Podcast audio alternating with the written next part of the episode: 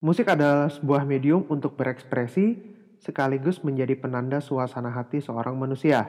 Musik juga merupakan sebuah bahasa yang efektif ketika kata-kata atau tulisan tidak mampu berbuat banyak untuk melampiaskan emosi dari dalam diri seseorang. Tanpa musik dan harmoni, maka hidup seperti halnya elektrokardiogram yang hanya menunjukkan asistol. Mati. Itulah sekilas tema besar pada edisi tanpa sunting kali ini. Maka tanpa berpanjang lebar, selamat mendengarkan. Kayak kayak quote-quote kan bilangnya when words fail, music speaks. Selain dengerin musik itu kan uh, beberapa bagian otak lu aktif.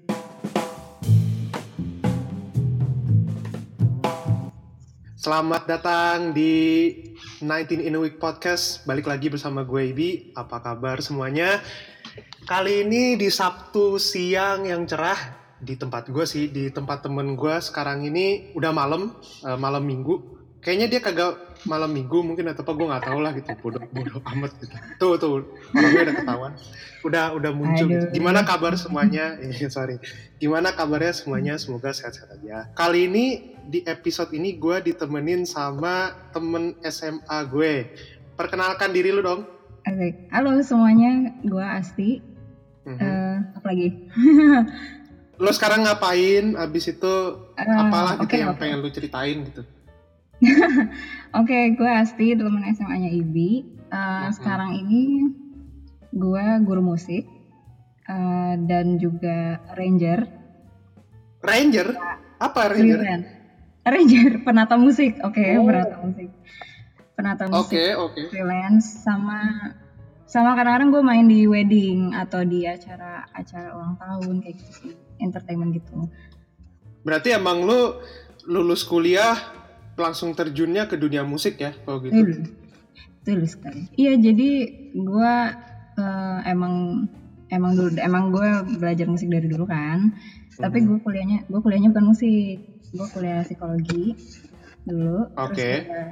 lulus dua tahun yang lalu dan hmm. emang sebelum lulus pun gue udah banyak ngajar musik sih. Mostly ngajar choir atau vokal group terus nggak abis itu gue mulai ngajar piano terus sampai sekarang deh gitu. Jadi emang dari dulu hmm. gue nggak mau bilang ini passion ya, tapi emang lo kegemaran lo emang dari dulu di dunia musik ya gitu. Dari ya. kapan lo terjun ke dunia ke dunia ini, ya, ke dunia se, ke seni musik ini? Jadi gue emang uh, start belajarnya itu dari umur enam tahun. Ya itu kan kalau umur enam tahun biasalah keinginan orang tua. Gitu. Cuman gue baru hmm. bener-bener uh, apa ya semangat, ya semangat, bener-bener Semangat. Kayaknya pas gue kelas 4 atau 5 SD gitu loh, umur 10 tahun. Habis itu baru uh, makin lama makin lama gue makin termotivasi. Jadi makin hmm. ya udahlah gue seriusin aja karena udah lama banget dong gitu lesnya dan gue merasa sayang aja kalau nggak gue seriusin Aha. banget gitu. Oke oke. Instrumen apa yang lo mainin sekarang? Gue, iya gue dari dulu emang cuma bisa main piano. Sadly gue nggak bisa main alat musik yang lain. Sedih. Gue dulu belajar gitar sama violin terus gue menyerah. Oh gitu? nggak tahu nggak tahu ya gue nggak bisa. Gue kayak nyerah aja belajar gitar tangan gue sakit. Terus uh, belajar violin juga sama kayak nada gue nggak okay. pernah tepat. Ya oke. Okay. oke okay, jadi gue give up those two. Gue fokus di piano. Dan kebetulan uh. waktu gue gue kuliah gue ikut paduan suara kan. Jadi gue uh. jadi ya bisa nyanyi juga. Oh itu ya kalau nggak salah di tempat lu tuh Paragita ya? Yo, iya, namanya Paragita, oh iya. Oke oke oke oke. Ini apa ngobrolin soal lo deh bentar. Lo dibilang sering dibilangin sama orang ini nggak kalau lo tuh kayak pitch perfect maksudnya apa namanya kayak lo tahu nada-nada gitu. Ya siapa tahu ada loh beberapa orang di sini yang di, sering dibilang kayak gitu. Coba. Iya sebenarnya ya uh, banyak orang yang bilang gue pitch perfect. Sebenarnya tapi gue nggak menganggap setelah gue nonton dan gue belajar lebih banyak lagi ya gue nonton mm -hmm. satu video di YouTube gitu. Jadi nggak semua nggak selalu ketika lo tahu nada do itu do gitu itu adalah lo perfect pitch gitu. Karena sebenarnya perfect pitch itu katanya tuh orang yang kayak bisa identify langsung frekuensi frekuensi C itu segimana gitu. Dia tuh kayak bisa nggak nggak meleset sama sekali gitu. Sementara kalau gue tuh masih gue masih bisa meleset. Kalau gue tuh gue nganggepnya gue simply udah hafal aja gitu. Jadi gue udah udah agak hafal kalau misalnya C D E F G A B C itu di mana frekuensinya itu gue kayak simply udah sedikit hafal aja. Tapi nggak berarti gue perfectly tahu frekuensi segini tuh C gitu. Iya. kayak nggak bisa yang secepat itu Oh, gitu. apa nggak kayak waktu itu? Nggak kayak waktu itu gue lihat ada kayak orang yang dibilang perfect kayak gitu bahkan sampai bunyi microwave aja iya yang bunyi tut gitu. Nah. Dia tahu itu nada apa gue kayak buset apa ini? gitu gue sih gue sih kalau ceritanya gitu? kalau nadanya masih yang kayak muda-muda gitu gue rasa nggak cuman gue ya banyak musisi yang juga bisa nebak itu nada apa gitu. Cuman kalau Mhm. orang yang orang yang pitch perfect tuh eh, kalau dia tuh kayak kalau dibunyiin tiga atau lebih not dalam satu waktu tuh jreng gitu barengan dia tuh bisa nebak semuanya.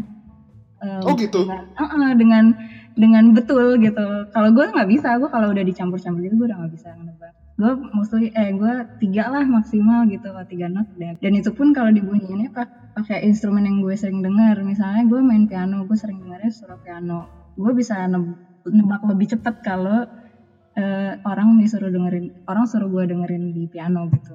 Misalnya dia mainnya di instrumen lain gue kurang kurang agak kurang agak lama sih mungkin nebaknya. Iya, kayak kayak misalnya gue main gitar gue masang kunci cekres atau apa lu berat lu misalnya kayak agak lama gitu ya buat ngeproses ya eh, itu kunci apa gitu sekalipun lu familiar sama kunci itu kalau dimainin di piano gitu istilahnya kalau kunci mungkin kalau harmoni kalau harmoni mungkin gue bisa misalnya chord apa gitu gue bisa denger tapi Mm-mm. kalau kayak Mm-mm. satu persatu notnya misalnya lo di senar satu lo mencet apa di senar dua lo mencet apa gue nggak bisa aha aha aha iya Hmm. ya ya ya bener juga sih apa kayak yang kayak yang pernah Hmm. video itu juga dibilang kayak gitu lah, orang-orang yang biasa main biola pas di tes ke piano kadang agak lama mikirnya apa kuncinya gitu kalau Iya, gue sih iya, kayak iya. gitu sih Tapi kan lu kerja di dunia musik ya, cu Ya. mm, sekarang gitu. Eh, Mhm. Tapi secara umum orang Indonesia itu gemar bermusik nggak? Menurut lo? orang Indonesia gemar bermusik Dalam Kalau- dalam artian Mhm. Orang seringnya apa? Orang sering nyanyi di kamar mandi atau kadang suka senandung mm, mm, mm, mm, mm, mm, gitu kayak gitu. Mhm. kalau menurut gue orang Indonesia itu musikal jadi Oh uh, gitu. uh, menurut gue orang Indonesia itu kayaknya udah ada risetnya deh atau gue sering denger deh pokoknya orang Indonesia itu paling cepat nangkep musik gitu jadi uh, misalnya ada sebuah lagu atau sebuah nada tuh kayak orang Indonesia ya cepat aja nangkepnya gitu. Tapi kan uh, being musical belum tentu uh, means lo suka musik gitu.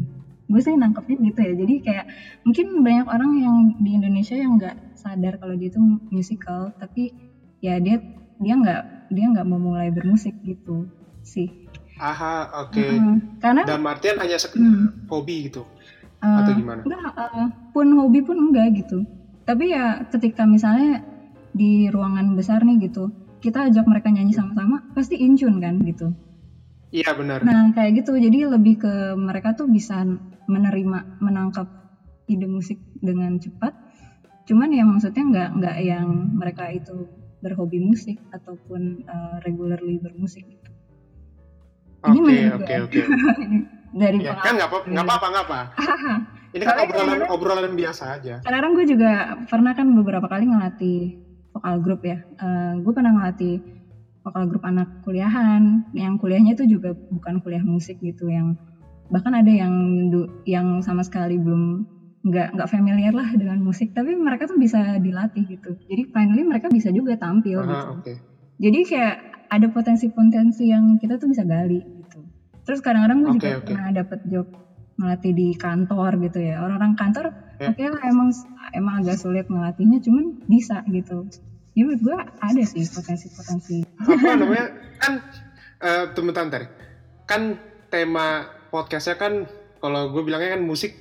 Gue pernah baca musik itu juga sebagai bahasa gitu kan Ya. istilahnya. mm. Nah kemudian ada namanya sindrom atau apa itu dikit sih orang yang punya tapi ada namanya tone deaf tahu kan lu tone deaf Oh, artinya orang nggak bisa bedain nada ini sama nada ini beda gitu maksudnya Iya, iya, iya. pertanyaan gue tuh apa sebenarnya nggak selesai pertanyaan. Pertanyaan gue tuh cuman kayak bilang bisa nggak manusia tuh dilatih apa untuk mengenal nada-nada sederhana aja nggak usah kayak yang sampai karena sudah susah gitu. Macam kayak kalau orang belajar bahasa gitu.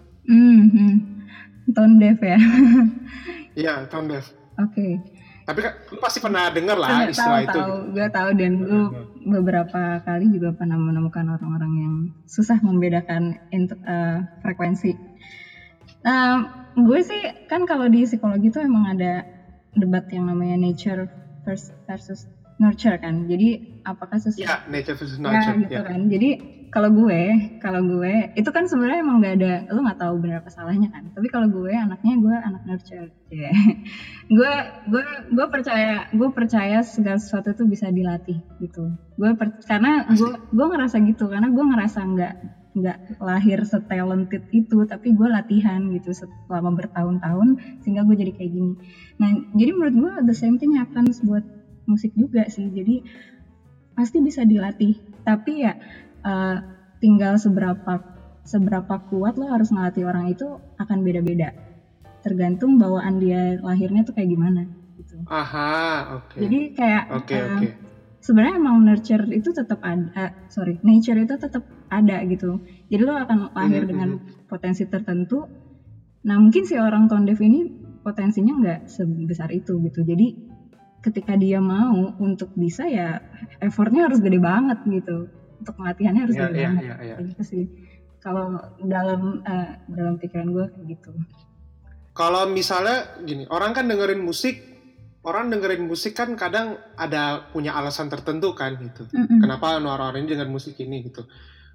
Genre atau jenis musik yang lo suka tuh apa dan kenapa lo suka musik itu? Oke, kayaknya lu udah tahu deh, Bi. ya, mungkin orang-orang yang kenal gue, yang yang udah Mhm. tahu musik-musik gue, mungkin tahu gue tuh suka banget musik yang slow, yang slow tempo dan galau Mhm. sebutannya. yang galau. Iya, iya, iya.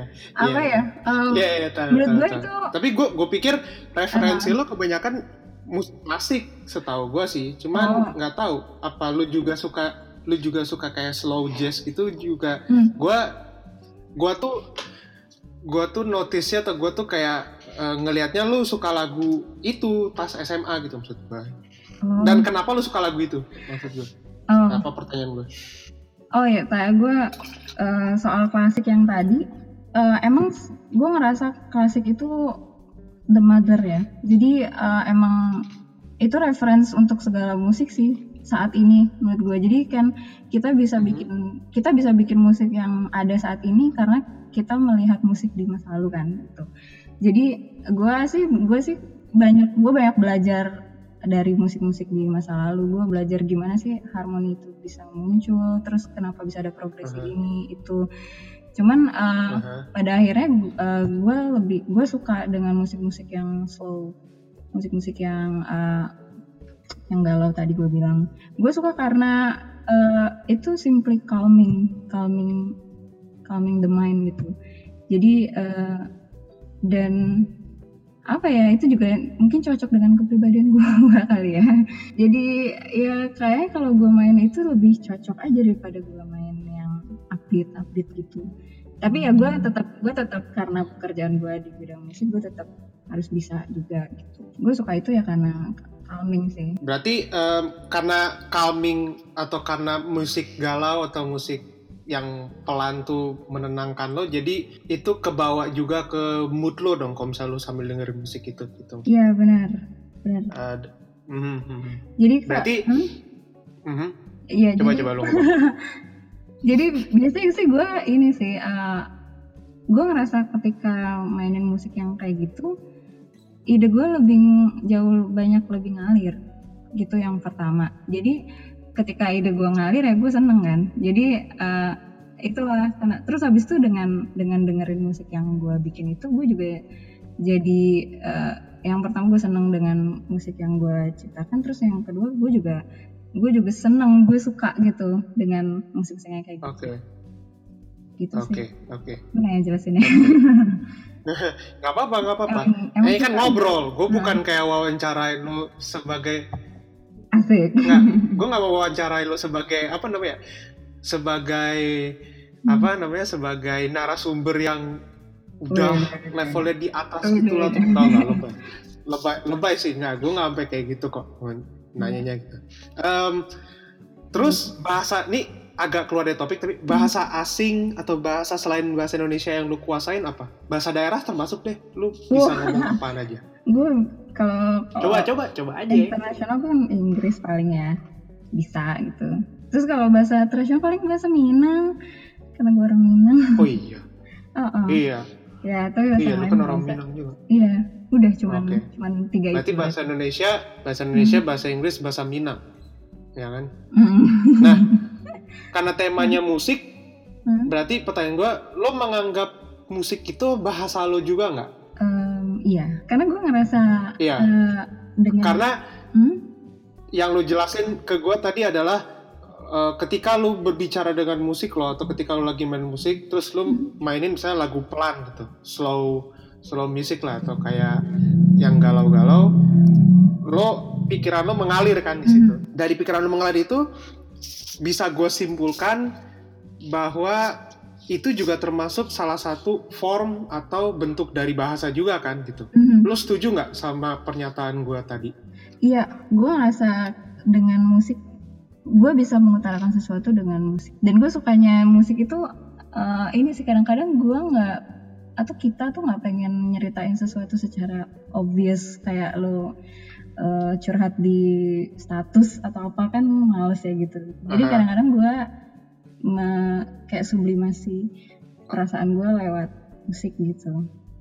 Gue sih, gue sih eh, Iya. ngang- itu sa- salah satu me- cara gue menyampaikan sesuatu supaya orang tuh kayak nggak begitu tahu apa sih what's wrong gitu tapi gue bisa keluar deh gue bisa ngeluarin si emosi itu gitu kayak lo nggak mau kayak lo nggak mau lo nggak mau cerita oh gue lagi gini nih tapi udah ah gue mainin musik aja kayak mungkin biar orang yang sometimes sometimes. artinya apa bisa nangkep maksud gue ya di situ. ya. Nah terus gue gitu kan kalau Iya kan? misalnya gue lagi nggak ada musik yang gue bikin sendiri ya kadang gue cover lagu orang yang kira-kira moodnya sesuai dengan dengan apa yang gue pengen sampaikan gitu kan. Jadi kok gue nggak usah cerita sedetil itu apa yang salah gitu apa yang terjadi gitu kan. Gitu Iya, sih. iya, iya. Bener-bener, bener-bener, bener. Kayak lo, tapi berarti secara nggak langsung itu juga kayak lu ngasih kode nggak sih ke orang yang ngedengerin Oh. lo mainin musik? iya betul Kode dalam artian kayak mood gue lagi gini nih, tolong jangan ganggu gitu. Misalnya gitu, sometimes misalnya gitu. sometimes kalau itu maksudnya ketika gue bermusik as a personal ya gitu ketika maksudnya itu di luar konteks pekerjaan gitu iya Oke. tapi kan maksudnya kadang kadang-kadang gue kayak kalau kadang-kadang kalau kayak di luar pekerjaan tuh nggak gue publish kadang-kadang gitu dan gue senang gue senang nge-publish kalau sesuatu yang udah udah mateng gitu jadi kayak kalau misalnya gue cuma main-main gitu doang ya itu simply kayak gue ngeluarin emosi aja gitu gue berkomunikasi entah pada entah pada siapa tapi yang jelas gue keluarin emosi gue gitu. Tadi sebenarnya kan sebelum kita rekaman lo bilang lo nggak bisa ngomong soal perilaku kan? Karena emang jujur setelah gue baca-baca Mhm. risetnya emang susah sih buat ngomongin perilaku Mhm. manusia Mhm. gitu misalnya. kalau kalau perilaku mungkin bisa tapi yang soal kepribadian itu sih eh, karena kan banyak banget hal yang bisa mempengaruhi kepribadian saya kepribadian itu kan bukan sesuatu yang eh, terjadi saat ini gitu loh tapi sesuatu yang kayak melekat di diri lo yang terbentuk dari lama gitu dan akan bertahan lama gitu kayak lo nggak bisa ngubah sesuatu cuma dengan musik paling tapi perilaku lo bisa gitu misalnya mood pikiran Oke. Ya, ya, ya, berarti berarti emang apa namanya? Kalau perilaku tandanya gini loh. Hmm. Kalau gue lo lagi bad day atau lo lagi kayak hari lo lagi jelek gitu. Yuk. Terus eh, lo tidak mempunyai apa bahasa yang lo kuasai sementara itu tidak bisa mengekspresikan apa yang lo rasain sekarang tuh berarti musik bisa jadi jawaban buat lo Ya, iya benar. atau musik bisa menjadi suatu media Mm-mm, mm-mm. Kayak kayak quote-quote kan bilangnya when words fail, music speaks kan gitu. asik Asik. when words fail music speaks Iya, ada ada bener ya, ada bener ya. Oke, berarti ntar masuk ini nih, masuk apa kayak cuplikan sebelum em, apa wa- wawancara atau obrolan kita gue mulai bisa, di bisa. podcast.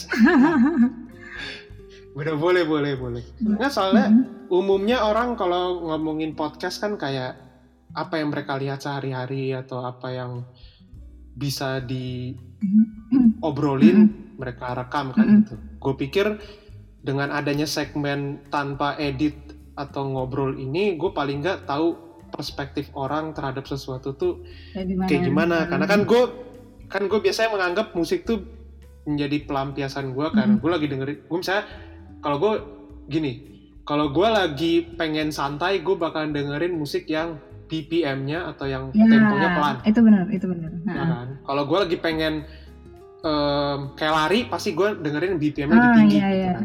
Gak sama, mungkin sama. dong, Mhm. gak mungkin dong gue lari, lari terus gue dengerin lagu eh, galau. Lah, masa ntar gue lari sambil nangis-nangis atau apa gitu? ya kan gitu. Tapi ya, kalau kalau buat eh, kalau buat lari gue juga ini sih, gue juga upbeat sih. Meskipun gue suka lagu slow gitu. Cuman gue tetap emang ada ada tempatnya gitu loh. Musik yang ini untuk ngapain, musik yang ini untuk ngapain gitu kan. Aha, aha. Pada intinya setiap jenis musik berarti bisa membentuk perilaku suatu orang gitu dong ya. Hmm. Pada intinya. Karena iya karena kan di dalam musik itu kan kayak ada ada expressionnya kan, ada ada emosi yang tersampaikan gitu. Dan menurut gue sih dari em- emosi itu kan yang eh, kalau si pendengarnya nangkep emosinya, ya itu kan bisa mempengaruhi yang pertama pikirannya, moodnya lah gitu, moodnya. Yang pertama sih yang paling ini moodnya sih. Em, ada lagi nggak yang pengen lu sampein sebelum kita tutup obrolan kali ini gitu? Apa mungkin bukan pesan sih lebih tepatnya kayak kan ada orang yang nggak begitu suka dengerin musik Mm-mm. gitu.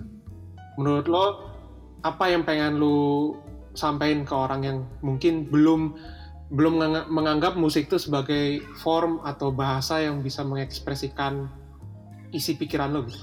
Ya menurut gue sih eh, nggak ada salahnya sering-sering denger berbanyak perbanyak denger musik.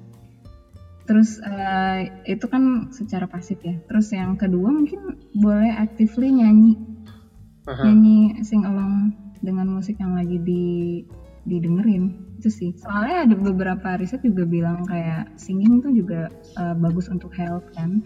Selain dengerin musik itu kan eh, beberapa bagian otak lu aktif ya gitu. Ya dan itu akan lebih lebih aktif lagi ketika lo juga engage di dalam aktivitas bermusik itu. Jadi nggak cuma dengerin selewat, tapi kayak juga coba Tapi lu juga bisa mainin musik itu kan? Mm-mm. Ya makanya kalau nggak bisa main mungkin nyanyiin gitu. Nih kayak apa? Ini podcast gue namanya 19 in a week, 19 in a week kan. Artinya 19 menit. Tapi hampir tidak pernah podcast gue durasinya 19 menit selalu lewat. Oh, Mungkin kayaknya harus gue rubah. Harus gue rubah nanti ini setelah oh, berapa ini episode. akan nggak dipotong ya? Wow. Yang ya kayak paling yang kayak gap gap gap kecil kayak lu um, um, atau kayak lu diem lama, gue potong Oke lah, gitu. semoga bisa potong. Tapi tanpa sunting berarti sebisa mungkin esensi dari obrolan kita tadi adalah eh, esensi obrolan kita tadi nggak akan kepotong atau nggak akan hilang gitu. Mm, mm, mm. Apa tujuannya podcast ini supaya tidak ada esensi yang hilang dari obrolan kita. gitu, maksud Iya. Karena kalau diedit kan ada diedit kan kadang kadang ada yang kayak gunanya ah nih topik ini terlalu ini nih gitu. Tapi buat gue kadang itu juga bagian dari obrolan kan. Mhm. Gue bukan wawancarain lo. Mm. Oke Deti, makasih ya udah mau diwawancara. Makasih banget. Gue juga Ini seneng di podcast Apa eh, media sharing baru buat gue. Ah, oke. Sem- Semoga apa lo bisa explore lagi podcast mungkin Hmm. menjadi medium baru lo atau apa Bisa, gitu atau mungkin lewat podcast lo juga mau nge-share Bener. apa namanya musik lo gitu kan bisa aja gitu. Bisa bisa. siapa tahu Amin, gitu. amin. tenang amin tenang aja karena kita kan obrolan biasa jadi kalau misalnya yang dengerin obrolan kita sekarang kalau mau koreksi silakan aja koreksi Hmm. gitu karena kita sama-sama belajar kan Mhm. gitu loh ya kan gue gue sendiri bukan orang profesional di bidang gue Mhm. lagi belajar dan lo juga lagi bergelut di dunia musik itu kan Mhm. Ya udah makasih ti sekali lagi Sama-sama Ibi. Em, semoga sukses Sukses juga semoga Ibi sukses dengan kuliahnya. karirnya episode berikutnya gue akan ngobrol dengan teman SMA gue lagi tapi kayak ini beda Dia seorang pilot. Dia mau ngobrolin soal fenomena TikTok. Wow. TikTok loh. Iya, em, iya beneran gitu. Ini mungkin ntar kalau episode udah naik, TikTok mungkin agak basi sih obrolannya. Tapi mungkin kita juga akan ngobrolin hal-hal yang di luar itu juga sih, karena kayak misalnya perilaku perilaku netizen atau warganet Indonesia di internet kayak gimana gitu maksudnya. Oke deh, sekian sekian podcast 19 in a week dari gua Ibi dan Asti sebagai teman ngobrol gua kali ini dan sampai jumpa. Assalamualaikum warahmatullahi wabarakatuh. Waalaikumsalam.